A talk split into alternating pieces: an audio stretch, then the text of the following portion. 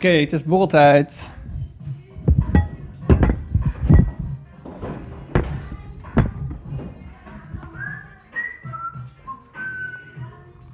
Is er genoeg ruimte? Is er niet genoeg ruimte?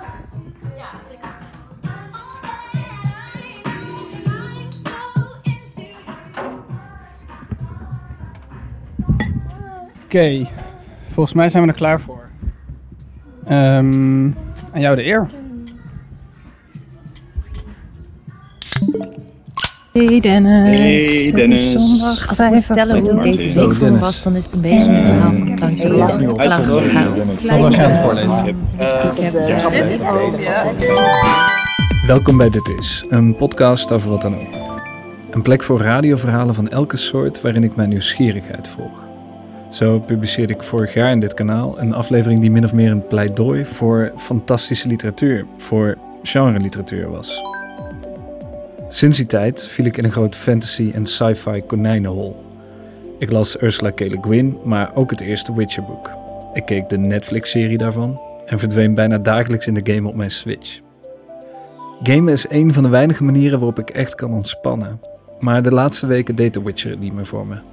Ik had geen zin om in een door weerwolven, geesten en monsters geplaagde wereld te duiken. Ik merkte dat ik het spel vooral opstartte om vervolgens de minigame te spelen. Een simpel kaartspel dat je één op één kunt spelen met winkeliers, barpersoneel en wat excentriekelingen in het spel. Ik zou het zelfs alledaags willen noemen, waar het niet dat op dit moment de meeste winkeliers, barpersoneel en excentriekelingen net als ik thuis zitten. Maar deze week heb ik Mario Kart herontdekt. In de online variant kun je tegen mensen uit de hele wereld spelen. Naast de naam van elke speler verschijnt dan een vlag van het land waar hij vandaan komt. Ik speelde tegen Edwin uit Nederland, Lorena uit Spanje en Oost-Frans uit Denemarken, maar ook tegen Thiago uit Brazilië, Grace uit Canada en Sarah uit de Verenigde Staten. Waar die landen vroeger min of meer de tijdzones leken te volgen, lijkt nu iedereen op elk moment van de dag online te zijn. Om even met z'n allen in een spel te zitten, in plaats van in een pandemie. Ik speel weinig races, maar doe voornamelijk de battles. Die zijn het meest chaotisch, omdat er geen baan is die je moet volgen en geen voorspelbaar gedrag van medespelers valt te herkennen. Het is het meest realistische wereldbeeld dat je op dit moment kunt vinden. Er is geen echte chatfunctie in het spel. Je kunt een aantal voorgeformuleerde zinnen uitspreken, maar dat is het dan ook. That was fun. One more time. Of gewoon hello. Hallo. Mijn naam is Dennis Schaans en dit is Sociale Onthouding. Week 4.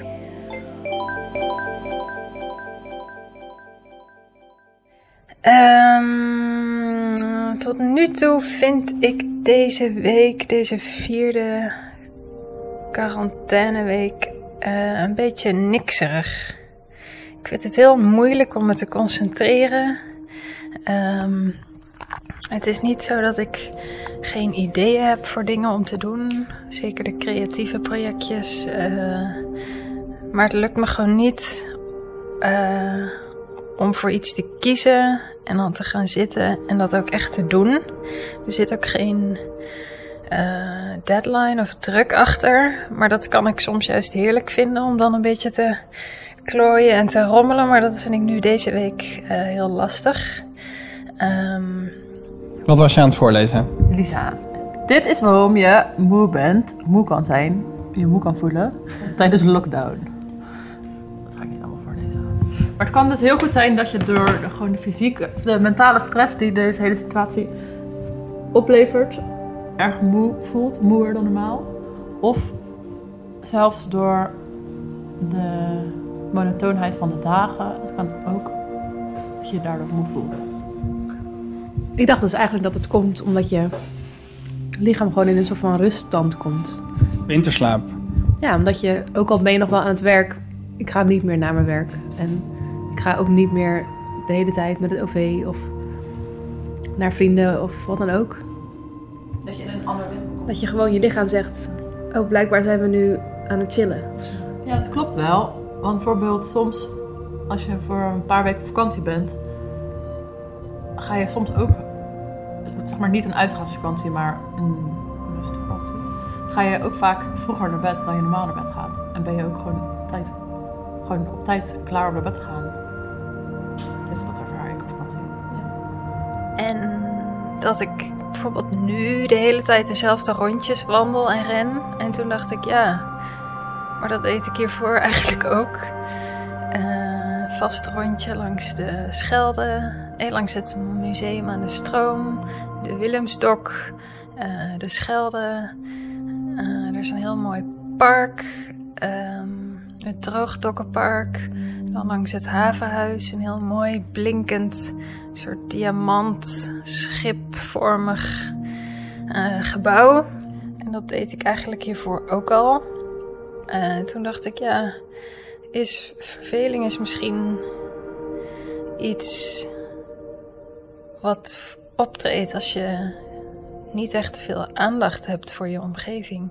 Want als je wel heel veel aandacht hebt, eh, dan is er eigenlijk altijd wel iets te zien en is er altijd wel variatie. Eh, al is het maar dat de hijskraan die uitgeklapt was, nu ingeklapt is. Eh, bij het begin van het havengebied is op dit moment een grote machine. Hele kleine hapjes. eh, eigenlijk een heel groot betonnen blok, groot gebouw aan het eh, opeten. Dus het is net alsof die grijper die met kleine eh, hapjes, stukjes van dat eh, gebouw knipt. Ehm, In het weekend gaan we wel zo- best vroeg slapen, eigenlijk vind ik nu. Ik, om 9 uur sliep ik. Afgelopen zaterdag. En hoe laat werd je wakker? Nou, ook 12 uur s'nachts. Maar daarna ben ik na volgens mij een half uurtje ook weer in slaap gevallen. Tot volgende ochtend 9 uur. Dus dan heb je gewoon een etmaal geslapen. Bijna wel, ja. Maar ik vind het dus eigenlijk best wel fijn om vroeg te gaan slapen. Wat? Ja, gewoon lekker vroeg op tijd slapen en dan... Want ik word ook wel... Het komt ook omdat mijn kamer heel erg licht wordt 's ochtends, maar gewoon echt... Altijd vroeg wakker, ook in het weekend. Maar dan ben ik wel uitgeslapen en dat vind ik fijn. Ja, dat heb ik ook. Ik wil wel graag langer slapen, maar dat gaat gewoon, eh, gebeurt gewoon niet meer. Meestal word je om 8 uur wakker. Dan denk ik, ja, ik mag toch uitslapen tot 10 uur of zo. Maar dan ga ik al lezen. Ja, maar dat is het chillste ooit. Want dan ben je dus wakker en uitgeslapen, maar je hoeft nog niet uit bed. Dus dan kan je iets vet chills doen in bed. Als lezen of zo. De ijssalon is weer open. Ehm, ik kom af en toe mensen tegen die hun hond uitlaten. En ik heb nu al een paar keer iemand gezien die een hond heeft die geen achterpoten heeft. En in plaats daarvan wieltjes. Dus ehm, eigenlijk hoef ik me niet te vervelen. Maar het is een wat ledige week. Ehm on the bright side, het is korte broek weer geworden. En eh, het voordeel van thuiswerken is dat je gewoon ehm, onder je nette blouseje eh, een korte broek mag aan hebben. Ik eh, zit op de trampoline in de voortuin. En eh, het is hier nu op zich best wel, nou ja, druk wil ik het niet noemen, maar er zitten twee plukjes mensen biertjes te drinken. En die zitten allemaal netjes anderhalve meter uit elkaar. Dat lukt, dat kan hier gewoon. En ehm, ik, eh, ja, je treft me in een, in een goede week. En dan voel ik me gelijk ook wel een beetje schuldig over, want het is natuurlijk eh, eigenlijk niet. Ik zou me niet zo goed moeten voelen over iets dat zo kut is en dat zoveel leed veroorzaakt aan de andere kant. Maar de, eh, Eh, algemeen gevoel is dat ik de week heel erg moi begon. Maar toen ging het weg. En het kwam omdat ik heel hard had gewerkt. ja, ik heb mijn, mijn draai in het thuiswerken heel erg gevonden. Ik, eh, ik weet een beetje hoe ik mijn dagen nu kan inrichten, hoe dat ook voor mij goed werkt. Ehm, en ik, ik, ik, ik ben al, ik betoog ook al heel lang dat, dat ik achtuurige werkdagen lang en onnodig vind. En dat ik liever meer dagen zes uur werk dan minder dagen acht. En dat kan ik nu allemaal gewoon doen. En ik had een soort van heel lange dagen gemaakt. En blijkbaar helpt dat. Maar het lijkt me ook weer slecht. Ik geniet heel erg van het gebrek aan vergaderingen. Of onnodige vergaderingen. Mensen gaan toch vooral zoomen als het, eh, als het echt nodig is, heb ik het idee. En niet zozeer, oh we hebben nou eenmaal wekelijks een meeting, laten we dat maar doen. Eh, dus dat mis ik helemaal niet. En ik heb ook niet het idee dat mijn werk eronder leidt. Ik kan eigenlijk gewoon nog steeds prima alles doen. Zonder constant eh, bij mensen aan tafel te zitten. Dus dat vind ik allemaal eigenlijk best wel fijn. En het weer is heel lekker. En er werken hier best wel veel mensen thuis. Dus ik kan, eh, ik kan steeds kiezen. Ik kan steeds in een andere tuin gaan zitten. Want dat geluk heb ik ook. Dus eigenlijk zit ik er deze week best wel... hoewel ik er eerder over geklaagd heb, over al dat thuiswerken... zit ik er nu eigenlijk best wel prima in. Dus dat is heel fijn. Ik zit inmiddels binnen. Ehm, want ik ben bezig met een reparatieklusje. We hebben een ehm, maatbeker. En daarvan is het rubberen handvat af. Dus dat moet ik weer even lijmen. Ik heb hem eh, goed schoongemaakt. De lijm ligt voor me. Eh, spelden, spelden liggen hier voor me. Want ik denk dat... Oh nee, nee. Want ik was even bang dat de... de hoe heet het? Dat hij eh, verstopt zou zijn, de, de tube. Maar dat valt allemaal reuze mee. Ik begin maar even met werk. En intussen ga ik vertellen hoe mijn week was. Om te beginnen wil toch maar even noemen dat ik maar weer eens heb geconstateerd wat een voorrecht het is om in een huis te wonen met een tuin. Dat is echt een luxe. Als je die verhalen hoort over vluchtelingenkampen. De Rohingya die dan in een soort... met z'n allen op een kluitje op één wonen. Als het daar uitbreekt het virus. Nou, dat lijkt me verschrikkelijk. Want afstand nemen kan niet. Dat is echt een luxe. Ehm zo. Dekseltje erop. Had ik nog een doekje moeten hebben? Nee, dat valt mee. Nou, dat was de reparatie. Zo soepel gaat het. Het rubberen handvat zit weer om eh, het pootje heen. Misschien nog even nou, klemmen misschien. Ander goed nieuws is dat ik eindelijk weer met mijn roman bezig ben geweest. Dat is dan misschien het voordeel dat ik nu niet met mijn theatervoorstelling op het podium sta. Tegelijkertijd is de boekenwereld natuurlijk totaal ingestort en gaat hier ook denk ik niet van herstellen. Maar ja, als ik echt geld had willen verdienen, had ik gewoon eh, een exacte studie moeten volgen en niet mijn kleine dappere hartje. Dus daar maak ik me niet zo eh, zorgen om. Wat heb ik nog meer gedaan? Eh, ik heb het gras gemaaid. Ik heb een goede laag compost over de tuin uitgespreid. Ik heb ramen gezeemd. Ik heb een armatuur van de douche schoongemaakt. Ik heb helaas te weinig gelezen. Ik heb ook wat film gekeken, ook niet veel. We hebben wat spelletjes gedaan thuis. Ik heb met de poes gespeeld. Ik eh, heb wel besloten dat ik overal ja op ga zeggen. Dus ik ben ook gaan schrijven voor een eh, online webserie. Super schattig. Eh, het heet De Vandalen.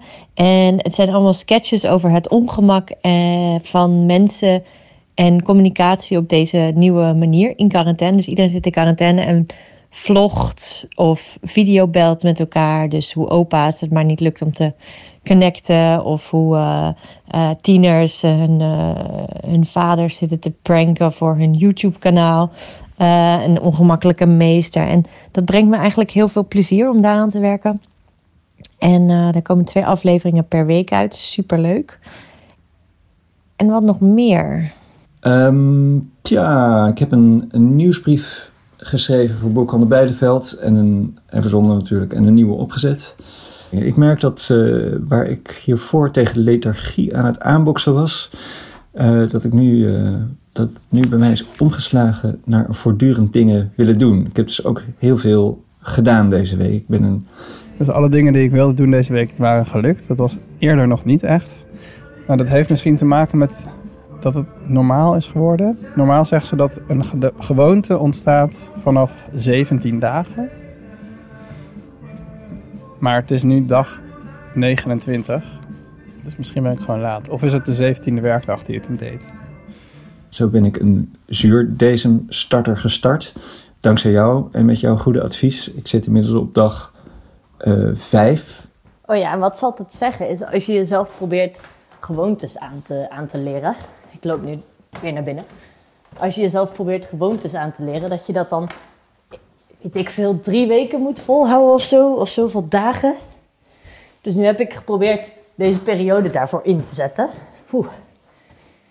sporten mag nog wel wat meer.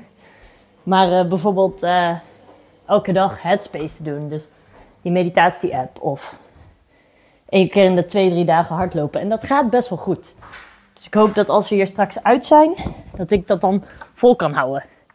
Dat ik dat dan mee kan nemen. Dat lijkt me heel fijn. Ehm, dus nu ik in de zon zit en aan het vrijdagmiddagborrelen ben, eh, voelt alles een stuk beter. Gek genoeg. En ik had bedacht dat ik een keer vakantie ging nemen in deze periode. Want ja, dat kan gewoon. En ik kan natuurlijk ook gewoon de trampoline gebruiken om niet op te liggen. En het voordeel is, niemand ziet het hier. Behalve Stella. De buurmannen die aan eh, het dak werken, die hebben de radio vandaag een stuk harder aanstaan. Zo hard zelfs dat ik mezelf nu bijna niet kan horen. Ehm, de zon schijnt de slaapkamer in. Ik sta op het balkon. En je durft, je durft bijna niet te zeggen dat je gelukkig bent in deze periode. Maar dat ben ik wel. Met mijn korte broek. Eh, ik heb een plankje op maat gezaagd. En dat ben ik nu aan het schilderen. Morgen moet er nog één laklaag laag over. En dan, eh, ja, dan kan ik hem ophangen. Ik heb daarvoor nog wel eh, wat steunen nodig. Die moet ik bij de gamma halen. Maar ja, ik heb nog een kuchje. Het is overigens een niet productief kuchje, heb ik geleerd. Daar is een uh, hoesdrankje voor te vinden. Dat heb ik inmiddels op de boodschappenlijst gezet. Ik denk niet dat het een uh, lichte vorm van corona is die ik heb. Ik denk gewoon dat het, het ja, hetzelfde kuchje is dat ik elk jaar heb. En dat dan ook heel lang aanhoudt. Dus ja, ik ga nu alles op alles zetten om dat er vanaf uit mijn systeem te krijgen. Ik wil gewoon snel aan het werk. Ik ben er echt klaar mee om thuis te zitten. Ja, ik dacht ik zal maar weer eens een updateje geven. Ik had vandaag weer een bijzondere dag op mijn werk. Ik was weer de coronadokter. Uh, binnen onze eigen praktijk dat, dan dus. Uh, ik zit nu in mijn auto mijn, uh, in mijn groene OK-pak. en vandaag vier patiënten bezocht. Waarvan er één bewezen COVID-positief was. En een, maar die maakte het eigenlijk hartstikke goed. Maar een andere patiënt was ik echt wel van onder de indruk. Is een dame van in de 70 die ik goed ken. Die echt heel, heel, heel ziek was. Heel ziek met hoge koorts en... Ik schrok echt toen ik daar aankwam. Ik ingestuurd naar het ziekenhuis. En ja, echt, echt ja, heel ziek. Bovendien ook een patiënt met suikerziekte, hoge bloeddruk, overgewicht. En wat dan erg heftig is, is dat je dan dus met de, met, met de familie ernstig spreekt ook over de consequenties. En de mogelijkheid dat ze misschien dus ook op het punt zou komen dat ze zo ziek zou worden dat ze naar de IC of uh, beademing zou moeten krijgen. En ja, het is ook dat mijn medisch advies was om dat ja, niet te doen. dat zijn, dat zijn ja, indrukwekkende gesprekken. Het was bovendien een patiënt die ook al schriftelijk had vastgelegd dat ze dat soort situaties niet de euthanasie zou willen. Dat, dat zat, ik had een euthanasieverklaring. De patiënt anders heel erg gehecht is aan autonomie, zelfbeschikking. Maar nou dus echt heel ziek was en uh, eigenlijk niet goed daarmee kon spreken. maar wel met de familie heb afgesproken om er dus niet naar de intensive care te laten gaan. Dus dat is wel heel spannend of deze patiënt het eh, zonder al die toeters en bellen zal gaan redden. Ja, de tijd gaat het me leren. Maar goed, daar ben ik dus ja, van onder de indruk. Na zo'n dag werken. En, dus daar zit je dan helemaal vol van. Dus dan is het fijn dat ik nog eventjes, dat ik jou eventjes kan, kan bellen. Of in ieder geval dit eventjes van me af kan, kan, kan zeggen kan spreken, zo moet ik zeggen. Ik ga daar gewoon naast lullen. Hey Dennis, met Martin. Um, uit Groningen. Want ik heb donderdag de trein gepakt en toen had je me geappt, dat zie ik nu in beeld staan, dat je eh, eh, vond dat ik eh, field recordings moest maken terwijl ik in de trein zat. Maar dat heb ik niet gedaan, want de treinreis was eigenlijk best wel saai. Ik zat in een coupé met drie anderen en ik moest twee keer overstappen. Ik moest één keer overstappen. En ook in de andere trein, het was super rustig terwijl ik... ik moest allemaal spullen nog pakken, dus ik was eh, veel later gegaan dan ik ging. Dus ik zat eigenlijk aan het einde zat ik nog in de spits. Ik kwam pas om zeven uur aan, maar er was echt bijna niemand in de trein. Wel drie kuchende mensen heb ik, ehm, heb ik gehoord, maar dat, er zat eigenlijk niemand voor me of achter me. Dus binnen anderhalve meter zijn ze niet geweest. En er was ook geen, ehm, geen conducteur. Maar ja, dit is eigenlijk één groot excuus over waarom ik geen eh, opnames heb gemaakt in de trein. Terwijl het eigenlijk ook gewoon was omdat ik het heel spannend vond en te eng vond om in de trein aan op te nemen dat ik eh, eh, eigenlijk een plezierreis aan het maken was. Terwijl op de stations stonden, eh, is je reis noodzakelijk? Zo ja, fijne reis. Zo nee, niet doen. Terwijl dit natuurlijk eigenlijk toch, toch een soort van een plezierreis was. Misschien wel. Ehm, oftewel, ik vond het eng om toe te geven in de trein dat ik misschien wel hypocriet of fout handelde. Tegelijk maak ik me ook wel zorgen.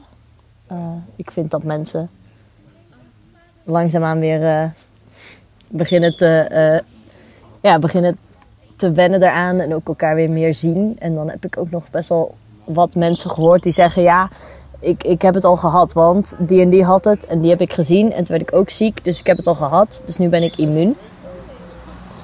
Dat vind ik eng.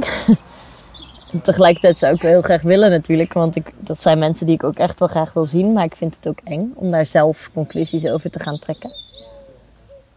Dus dat, ja, dat lijkt me niet, eh, niet echt the way to go.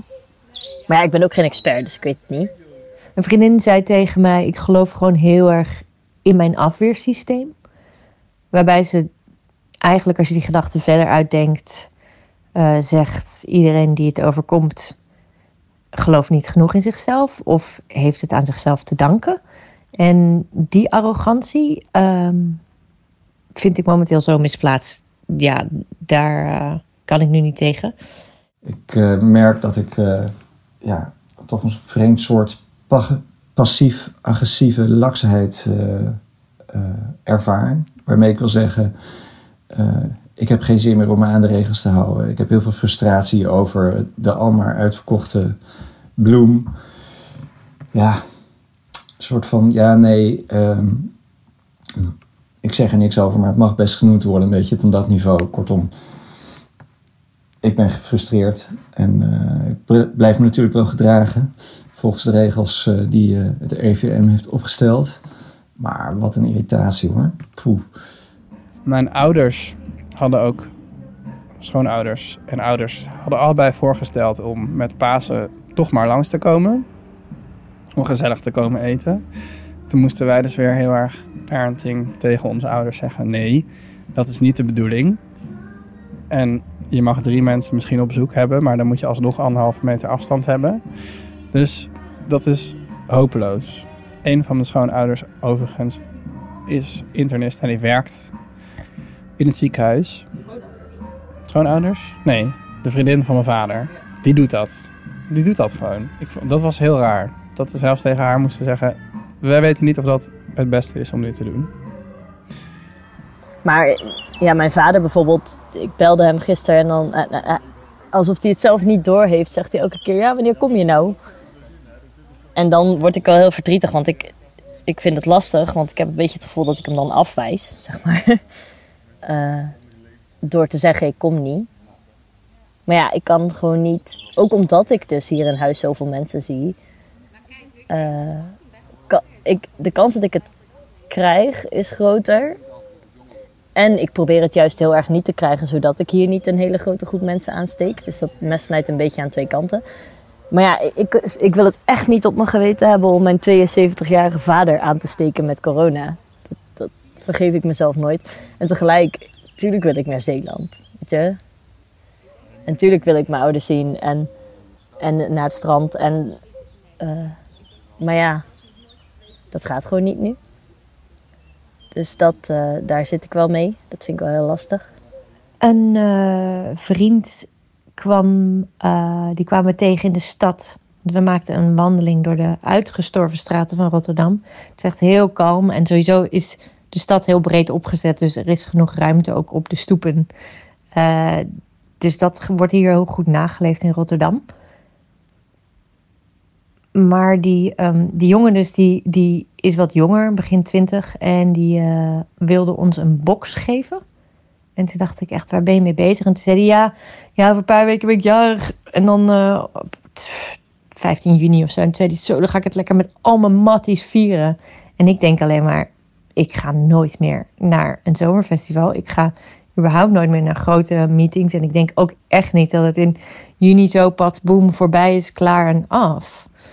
En dat mensen dat niet helemaal beseffen of zo. Dat ze denken, oh ja, 1 juni en dan is het uit de wereld. Dat, dat vind ik zo'n gekke naïviteit. Waarvan ik nu nog niet zo goed durf daar iets van te zeggen. Ik wil mensen ook een beetje hun eigen ruimte geven om te geloven wat ze willen geloven, wat ze nodig hebben om te geloven. Zo hoorde ik ook dat mijn New Age tante een healer heeft gevonden die zowel corona kan opspeuren als kan healen. En dat maar voor 120 euro all inclusive. En dan denk ik, ach, we zijn zulke bange dieren. En als jij dat geld wil uh, uitgeven, ja, ga maar. Ja, het is een vrije wereld. Het is natuurlijk wel gestort en misdadig ook tegelijkertijd. Ja, toen ik uit de trein kwam, voelde ik me in één keer. Ik voelde me wel ontzettend vies. Ik had het gevoel alsof ik. Uh, uh, eigenlijk in isolement zou moeten, of eigenlijk onder een, een hete douche zou moeten. Met mannen in hazmat suits die me desinfecteren met verschrikkelijke desinfectiemiddelen. Die branden, zouden branden op mijn huid, zodat ik zeg maar, een soort van schoon zou worden. Oké, okay, Lisa, wat denk je over de overburen? De overburen? Oeh. Ja, dat zijn grote vragen. Ja, maar we hebben nu wel een, uh, een kleine extra fascinatie ontwikkeld voor de overburen, toch? Zeker. Omdat vooral er steeds andere mensen in, in het huis zijn. Ik zie steeds zeg maar één jongen is voor mij de basis. Maar... De basisjongen? Ja. ja, maar wie de, de tweede is, dat weet ik niet. Want er zijn steeds andere. Ik weet wel dat hij niet in zijn eentje woont. Ja, dat lijkt me ook. Ik weet niet, het is daar gewoon een groot feest de hele tijd. Precies, we worden een beetje judgmental van hoezo zitten jullie daar de hele tijd met vier, soms vijf, vijf zes. soms heel huisfeest. Ja, nou, dat heb ik nog niet gezien. Maar de, ik heb ook de een kust met de ander en de ander kust ook weer met de een en die dan ook weer met de ander. Dus, maar ik ben ook gewoon zo benieuwd hoe de verhoudingen zitten in een huis. Ja, ik ook. Uh, ik ben dus nu in Groningen. En het is best wel fijn, want Yvonne heeft een veel groter, uh, veel groter huis dan ik dat heb. En het is eigenlijk ook op een bepaalde manier... Ik zat gisteren hier op de bank en ik, deed eigenlijk precies hetzelfde wat ik thuis deed. Maar het was heel lekker dat Yvonne aan de andere kant van de kamer dan eigenlijk gewoon een beetje aan het, aan het rommelen was. En zoals een taart aan het bakken, want een vriendin van haar was jarig. En het was heel lekker dat, dat je gewoon iemand anders dingen normaal ziet doen en ziet rommelen met onzekerheid of de taart wel lekker was. Of de taart wel lekker aan het worden is en of niet aan het verbranden was en dat de oven het niet helemaal perfect deed. Dat soort dingen relativeren heel erg op een bepaalde manier.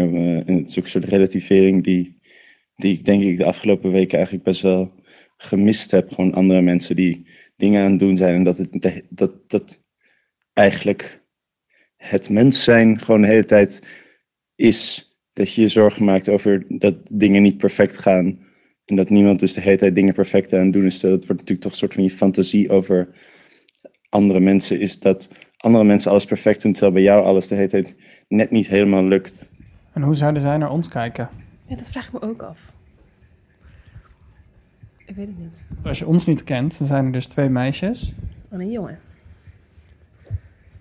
Maar wij zijn wel de hele tijd dezelfde of zo. Ja, maar dat denken zij natuurlijk ook. Ja, dat klopt. interesse in ons. Hoe weet je dat? Nou, dat weet ik niet natuurlijk. Maar ik heb niet het idee dat zij zo op ons letten als wij op hen. Het lijkt me wel leuk als we zeg maar uiteindelijk uit deze quarantaine... Als we daaruit komen met in elk geval een soort van contactmoment geweest. Is dat een doel? Nou, niet een concreet doel, maar wel een wens. Zullen we iets gaan ophangen? Dat zou kunnen. We kunnen aan allebei de kanten van het raam, dus in de keuken en in de woonkamer, een groot vel ophangen. Als we weten wanneer de quarantaine voorbij is. En daarop zetten een datum en een tijd en opschrijven buurtborrel. Dan en dan bij ons. Maar kunnen toch ook gewoon buurtborrel op afstand? Vanavond vijf uur. Nee. Ja, Dan- wel, dat is eigenlijk nog leuker. En dan een soort Zoom of Jitsi aanmaken waar iedereen in de chat Ja, kan komen. Op balkonnen. Ja, dat is leuker op het balkon natuurlijk. Maar aan welke kant wil je het dan doen? Daar of daar? Ja, ik heb meer interesse in die kant. We hebben elkaar denk ik vijf weken niet gezien. En, en gedurende die vijf weken eh, heb je dan ook de fantasie, want je natuurlijk iemand heel graag wil zien, een soort van de fantasie dat wanneer je er dan bent, dat het dan super leuk zal worden. Dat je allemaal super leuke dingen zal doen en dat het super fijn is. Wat me eigenlijk het meest opviel is dat we op een bepaalde manier heel erg moesten wennen eh, aan elkaar. Normaal gesproken zien we elkaar één keer in de anderhalve week of zo. En dan, dan weten we ongeveer. Dan heb je nog heel erg de herinnering van hoe het ongeveer is met iemand. Ehm, en als je elkaar vijf weken niet ziet, dan eh, weet je zo van: oh ja, eh, hoe, hoe, hoe ben jij ook alweer? En, hoe beweeg jij ook alweer? En eh, op welke manier praat ik ook weer precies met jou? Alsof, alsof die radertjes elkaar weer even moeten vinden, zodat ze weer in elkaar draaien. Ehm, en dat eigenlijk, maar, wat er dus fijn aan is, is niet die fantasie die je hebt van de superleuke dingen met elkaar, maar wat er fijn is, is gewoon eh, eh, het een beetje naast elkaar bestaan met iemand die je, die je, die je fijn vindt. Ik heb gewoon nu een paar keer gehad dat ik een eh, beeld had dat ik heel treffend vond voor, voor, voor deze periode. En, en die foto deelde ik dan op Facebook. En dan moet je bijvoorbeeld denken aan, eh, even kijken, dat ik heel veel rubberhandschoentjes op straat ben tegengekomen. Bijvoorbeeld blauwe en witte. Of ehm, zo een beetje het thuiswerktenu, eh sokken, dikke wollen sokken in teenslippers. Nou, fijn, dat was ik dus een beetje aan het doen. Of dat doe ik een beetje. En nu, een paar dagen geleden, was ik met Renske een beetje aan het. eh, waren we elkaar een beetje aan het treiteren op de bank. En toen heb ik haar eh, met de zijkant van de afstandsbediening zo'n klein mapje gegeven. Eh, maar dat is best wel hard. Als dat op zo recht op je arm of op het bot komt, dan doet dat best wel pijn. Ik had gisteren had ik, eh, stond Yvonne stond volgens mij taart te maken en ehm, toen zat ik op de bank en toen kwam opeens de gedachte me op en die sprak ik uit. Toen zei ik, waarom zien mensen elkaar eigenlijk graag? Of weet je, waarom, ja, waarom, zien, waarom willen mensen elkaar eigenlijk zien? En toen zei Yvonne, eh, oh ja, valt het je tegen? Ehm, maar wat ik soort van bedoelde was, ja, misschien wat ik net zei.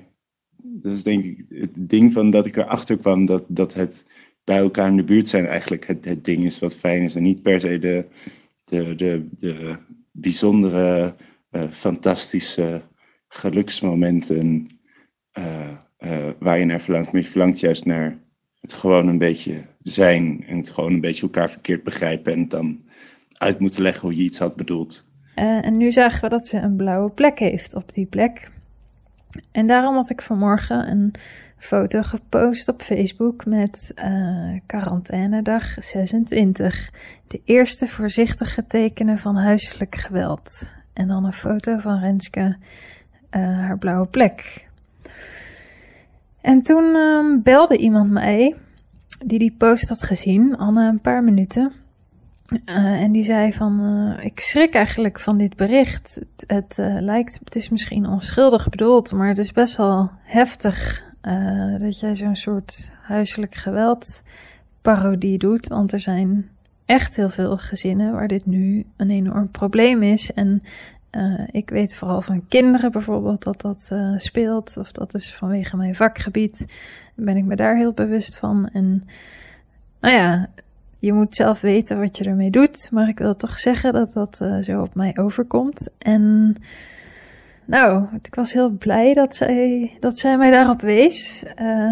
want mijn bedoeling was helemaal niet om, om iemand te kwetsen met dat beeld.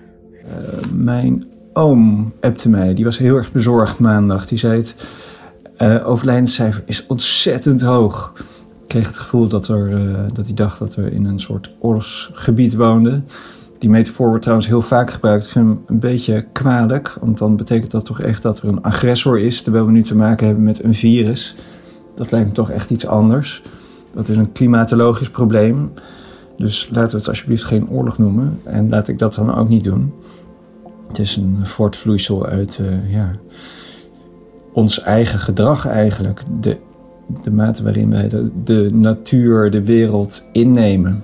En dus ik kwam binnen. Maar goed, ik heb dus die post uh, verwijderd. Dat is het eerste wat ik heb gedaan. En ik dacht, oké, want ik hecht ik er nu zo heel erg aan, aan dat grapje, dat ik het ervoor over heb dat het op sommige mensen misschien uh, chockerend of heel pijnlijk overkomt. Nou, nee. Uh, zo, zoveel hecht ik er niet aan. Dus ik ga het weghalen en dan ga ik er nu eens over nadenken. Wat daar dan gebeurde precies. En, um, uh, en wat, wat zend je de wereld in en waarom? En toen ik naging waarom ik bijvoorbeeld nu de inschatting had gemaakt dat het wel kon, dat was echt vanuit een enorme luxe positie. Namelijk ten eerste um, dat huiselijk geweld, echt huiselijk geweld, dat dat heel ver van mij afstaat. Uh, ik heb er geen ervaring mee. Uh, de lach, zeg maar, die zou, dat, of de humor, die zou zitten in uh, dat je iets heel kleins laat zien. Een blauw plekje in een welgesteld, liefdevol lesbisch huishouden. Uh, en dat je dan het contrast, dat je dan vervolgens daar zo'n ontzettend groot woord, uh, huiselijk geweld, tegenover zet. En dat contrast, dat, dat doet dan iets, dat ontregelt een beetje. Dus ik heb op de, op de een of andere manier heb ik dat, dat grote contrast en dat grote woord heb ik nodig om die lach als het ware te krijgen. En um, Um, en, en dat woord dat is zo groot en, en beladen omdat, er, omdat huiselijk geweld wel degelijk iets is. Het is echt iets waar echte mensen echt heel veel last van hebben. Nou, ik was me daar ineens dus heel erg van bewust van uh, het, het gemak ook waarmee ik zo'n term gebruik. En waarmee mensen misschien andere grote woorden zoals de dood of kanker of verkrachting of allerlei uh, woorden in de mond nemen, dat zegt uh, misschien wel iets over, um, over een bepaalde oppervlakkigheid waarmee je dat dan ook hanteert. Dus uh, het is me opgevallen dat heel veel humor werkt omdat een bepaald stereotype wordt bevestigd. Dus op die manier heb je Joden moppen en Marokkanen moppen en vrouwen moppen. Um, en ik wil niet zeggen dat dat allemaal niet zou kunnen, maar er zit een soort gemakzucht in um, uh, de, het leed of de moeilijkheden van het behoren tot die groepen. En hoe dat dan wordt gebruikt door iemand die misschien buiten die groep valt, maar misschien ook binnen die groep.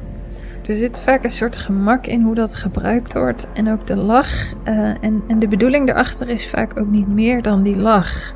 Dus uh, je kan bijvoorbeeld kiezen voor een bepaalde provocatie, omdat je uh, echt een spiegel wil voorhouden of iets wil veranderen. En dan is zo'n venijnige grap misschien onderdeel van, van zo'n narratief. Of dat je juist die stereotypen gebruikt om er naar te kunnen kijken. Maar heel vaak worden ze ook alleen maar gebruikt om uh, snel te scoren. Um, en ik denk dat het al moeilijker wordt om die, die stereotypen uh, te gaan gebruiken op het moment dat je ze zelf hebt doorleefd. Um, en dus dat er misschien een soort verplichting is aan eh, makers of, ehm, of laat ik het bij mezelf houden in mijn uitingen. En zeker mijn publieke uitingen. Eh, om in ieder geval een poging te doen om de grote woorden die ik gebruik ook ehm, te doorgronden of te, eh, de geschiedenis en het gewicht daarvan ook te kennen voordat ik ze gebruik. Ehm, en hetzelfde geldt een beetje voor, voor die hele coronacrisis. Dus ehm, ziek zijn, besmet raken, uh, doodgaan. Uh, het blijft, het is voor mij nu echt op grote afstand. En het effect daarvan is dat ik ook niet zo goed weet hoe ik dan over die dingen kan spreken en mag spreken. En het interessante was dat Renske toen zei: als je dit helemaal doortrekt, um, hoe grappig is dan eigenlijk? Uh, zijn eigenlijk dan die andere foto's in jouw dagboekreeksje? Dus bijvoorbeeld de, de sokken, de sokken in de slippers bijvoorbeeld. Um, is dat niet ook een soort suggestie uh, van leed of zo? Of een soort suggestie of een parodie of ironie? Uh, terwijl natuurlijk in deze periode er ook heel veel echt leed is. En dan binnen Nederland en binnen heel veel gezinnen in Nederland, maar wereldwijd al helemaal. En dat vond ik toen ook, ook een moeilijke vraag. Uh, en als je dit doortrekt, kan je dat ook nog doortrekken naar, uh, naar de dagboek, de audiodagboekbijdrage die ik doe. Is het, is het interessant om iets te zeggen over dat er bijvoorbeeld rookmelders in huis afgaan? Of. Um, en dat ik me dan misschien stoor aan het piepje daarvan. Of dat ik een beetje moe ben van het beeldscherm gebruik. Uh, ja, dit heeft me gewoon een beetje aan twijfelen gebracht over al mijn uitingen. En ik denk niet dat dat slecht is. Ik ben ook heel dankbaar degene die mij daarover belde. En ook de toon waarop ze dat deed. Dus dat vond ik heel fijn. Het was niet dwingend. Het was gewoon heel eerlijk. Maar goed, het geeft wat te denken over de narratieven die we de wereld insturen. En, en uh, zijn de dingen die ik te zeggen heb in deze weken niet heel nikserig?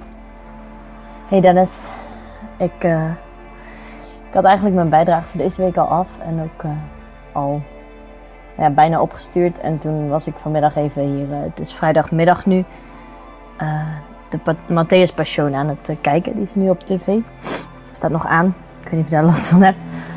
Um, en tegelijk las ik het bericht dat, kreeg ik doorgestuurd van iemand met wie ik vrijwilligerswerk gedaan heb in Calais, dat nu toch ook in de kampen daar het uh, coronavirus is uitgebroken en nu natuurlijk als een dolle daar rondwaart. Want die mensen hebben niks, die mensen hebben geen stromend water zelfs. En de Franse overheid had al heel lang beloofd ze ergens op te vangen, maar dat hebben ze niet gedaan. En dit, ik kan dit even niet. Uh, ik weet niet ik wil het heel graag vertellen ook, omdat ik ook vind dat, dat mensen dit moeten weten. En het is, iets, het is het enige waar ik me verschrikkelijk.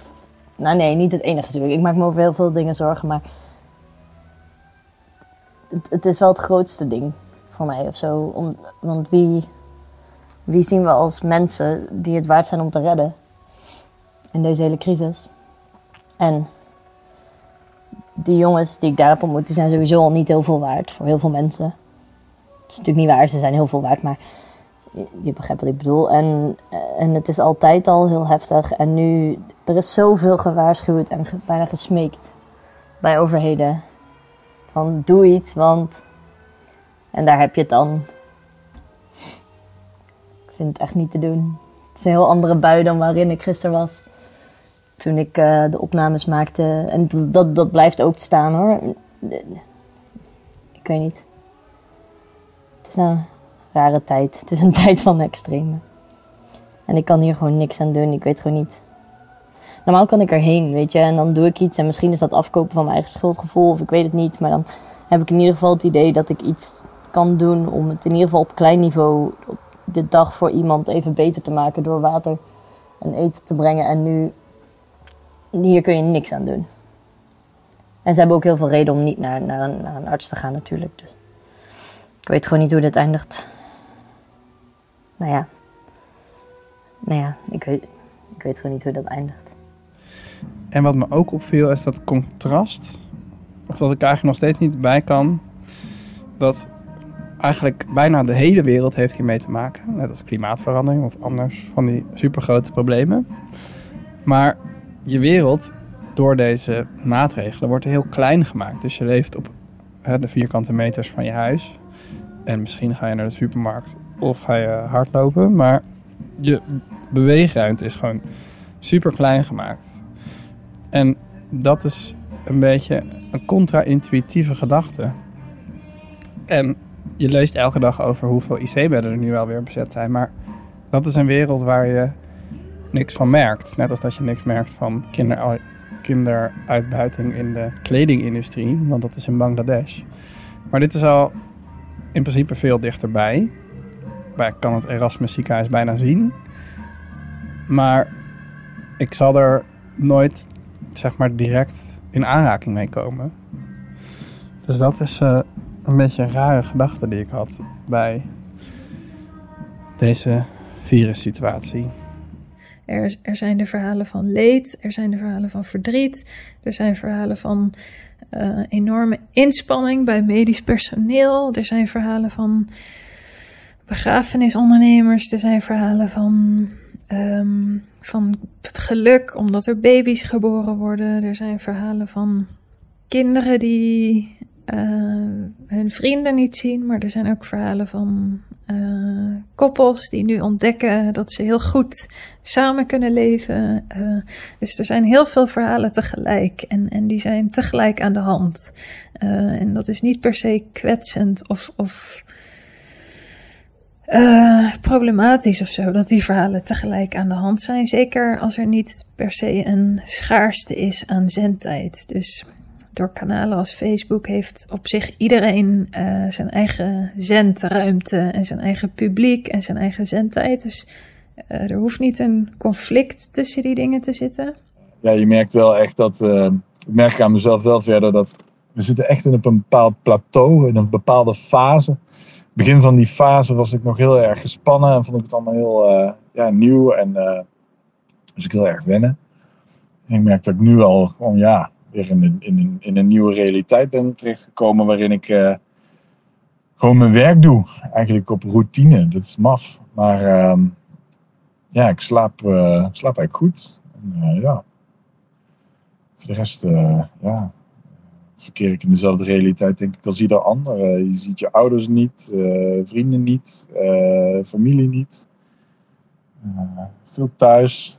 En ja, een beetje, een beetje suf allemaal. Ik had dus een gekke gedachte ook dat ik misschien... Oh, daar is de kerk weer. Godver. Het is nu half zeven. Hoe lang zal het duren?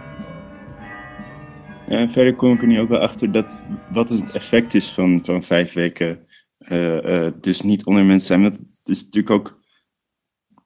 Het is niet alleen dat we elkaar vijf weken niet hadden gezien, maar dat we überhaupt vijf weken veel minder mensen hebben gezien. En dat dat eigenlijk ook je best wel verandert. Uh, dat je ritmes bijvoorbeeld heel, heel anders zijn. Dus mijn ritme is, als ik alleen ben, is bijvoorbeeld heel laat naar bed gaan. En Yvonne's ritme is de afgelopen weken was eigenlijk veel meer eentje van om, om, om, om elf uur al naar bed gaan.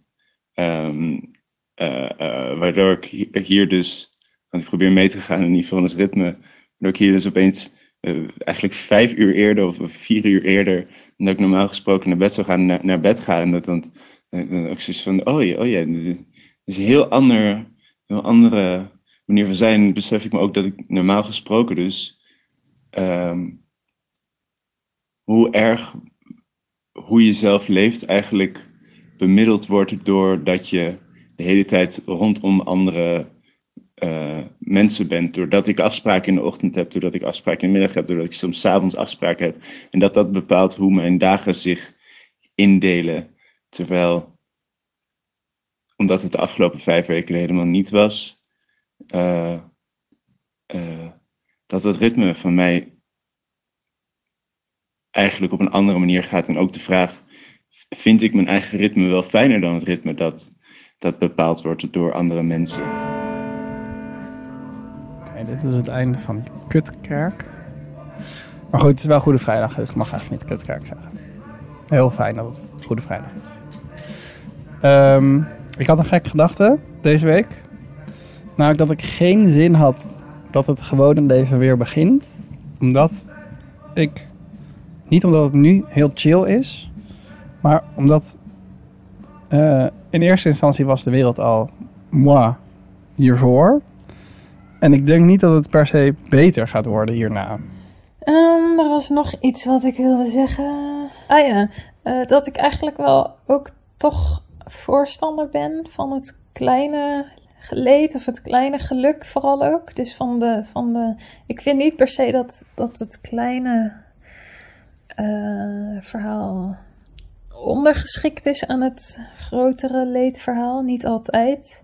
En dat komt ook een beetje omdat ik eh, voor mijn vorige baan, waar ik eh, levensverhalen optekende in opdracht, vooral van oudere mensen, ook heel veel gesprekken heb gevoerd met eh, mensen en hoe zij terugkijken op hun eigen levensloop.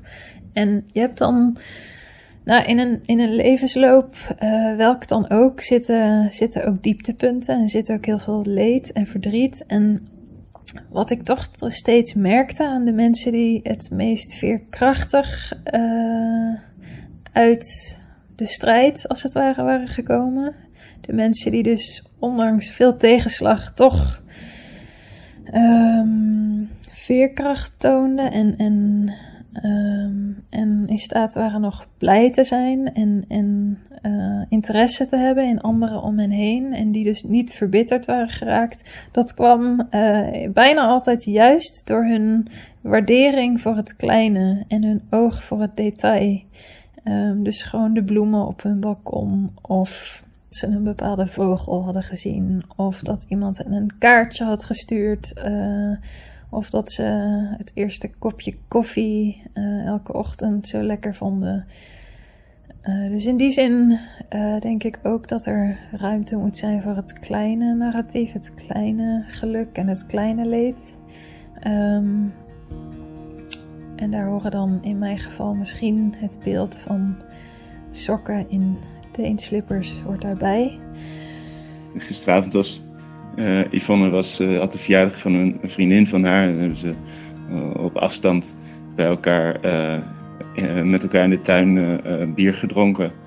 Ehm, en toen was ze hier dus niet. En toen was ik alleen in haar huis.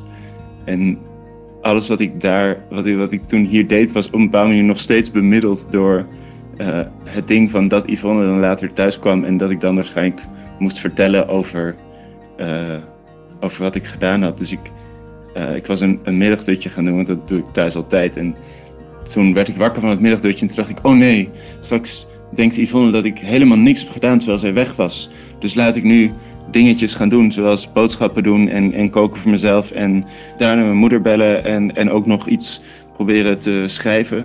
Eh, eh, zodat ik maar aan Yvonne kon vertellen dat Yvonne maar niet het idee had dat ik helemaal niks deed eh, om, omdat zij er niet was of zo. En ehm, dat was op een bepaalde manier was het heel verwarrend. En, en dat ik dacht van, oh, dat is ook eigenlijk heel stom dat ik dus niet voor mezelf kan bepalen eh, dat ik dingen wil doen. Maar op een bepaalde manier is het ook waardoor ik wel dingen gedaan kreeg en waardoor ik eigenlijk een veel betere avond heb gehad. En dat ik waarschijnlijk in mijn eentje thuis eh, mm, had gehad. Ja, dat merk ik dus erg hier in Groningen. Het, het bijzondere effect wat het met mensen leven of onder mensen leven of in, in, in de maatschappij leven heeft op je. En dat het niet alleen maar een soort van eh, eh, afleiding is, maar eigenlijk heel eh, heilzaam en goed voor mij is als mens. Ik ben veel tijd kwijt geweest met pakketjes maken. eh, care packages, eh, pakketjes met boeken, met bloemen, met cadeautjes voor single vrienden die heel eenzaam zijn, mensen die het niet helemaal zien zitten, eh, mensen die hun verjaardag alleen in quarantaine vieren, dat ik dan voor hun stoep neerleg. Ehm, en dat geeft mij heel veel plezier, vind ik heel fijn om te doen. Hier in huis hebben wij nu allerlei eh, nieuwe tradities zijn we aan het maken. Een soort van corona-tradities. Dat vind ik eigenlijk best wel tof. We doen dus nu op vrijdag afhaal- en bordspelletjesavond. Dat, eh, dat is wel leuk. En dan proberen we dus eh, elke keer ergens anders te gaan afhalen. Waar, het, eh, waar we normaal misschien zouden gaan eten of een plek die we willen steunen. Dat is nog lang niet genoeg, want ik weet dat er heel veel meer horeca, waar ik heel veel hart voor heb in Nijmegen, het moeilijk heeft. Maar ik probeer mijn deel te doen door elke week eten te halen. En eh, de afgelopen drie dagen ben ik bijvoorbeeld ook bezig met kroketten maken. Het internet heeft me verteld dat het drie dagen duurt om de ultieme kroket te maken. Eerst de bouillon, dat heb ik gedaan een dag. Dan de roux. En morgen wordt het krokettendag. En elke dag eh, ja, zoeken Nicky en ik een gedicht voor elkaar uit. Een gedicht van de dag. Dat we ja, bij de dag vinden passen of bij de ander. Oh ja, en een fascinatie met de buren. Still going strong. Hebben we verder nog plannen voor deze ehm, Pasen? Jawel, we hebben een uitnodiging gekregen wel voor een virtuele toch? Oh ja. Ja, Lisa heeft een virtuele, eh weet dat ook weer? Paasbrunch georganiseerd. Op zondag. En hoe laat? Tot 12 uur moeten we allemaal intunen. Ja, verder dit weekend ook nog weer coronadienst op de huisartsenpost. Dus eh, dat eh, wordt ook weer eh, spannend. Maar verder is het op de gewone, gewoon op de dagpraktijk rustig. Eh, we proberen hè, er zoveel mogelijk eh, eh, medische zorg op afstand te doen via de telefoon. En nog altijd. En dat, ja, dat is ook wel nog altijd veel improviseren. Maar lukt eigenlijk vrij aardig en we slaan ons er wel doorheen. Maar we moeten nog een lange weg gaan. Ik blijf hier denk nog een paar dagen en dan ga ik weer terug naar Utrecht.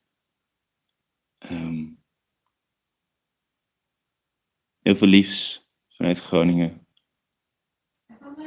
Ook van Yvonne schreeuwt ze door.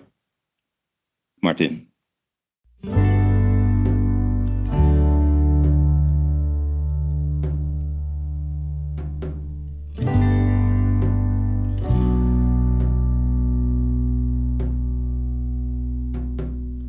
Dit was Sociale Onthouding Week 4.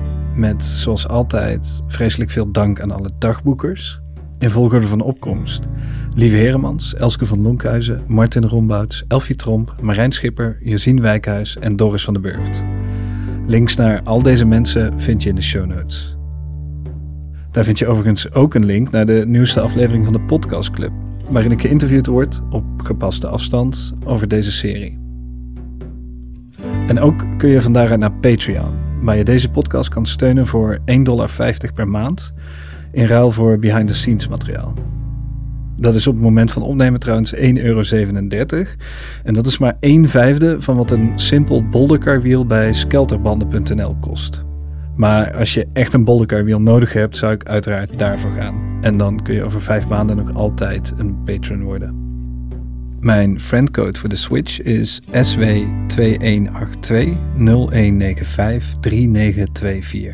Bedankt voor het luisteren. Blijf gezond, blijf binnen, blijf zacht.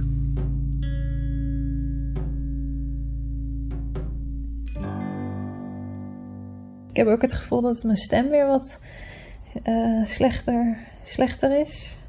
En dat kan zijn omdat ik dit dus ook een beetje een emotioneel thema vind. Dus ik voelde me echt eh, een beetje op het matje geroepen of op de vingers getikt. Eh, en dat is altijd goed. Dan, dan zit er een soort groei, persoonlijke groei aan te komen. Maar ook, eh, nou ja, groeien doet ook altijd een beetje pijn. Dus.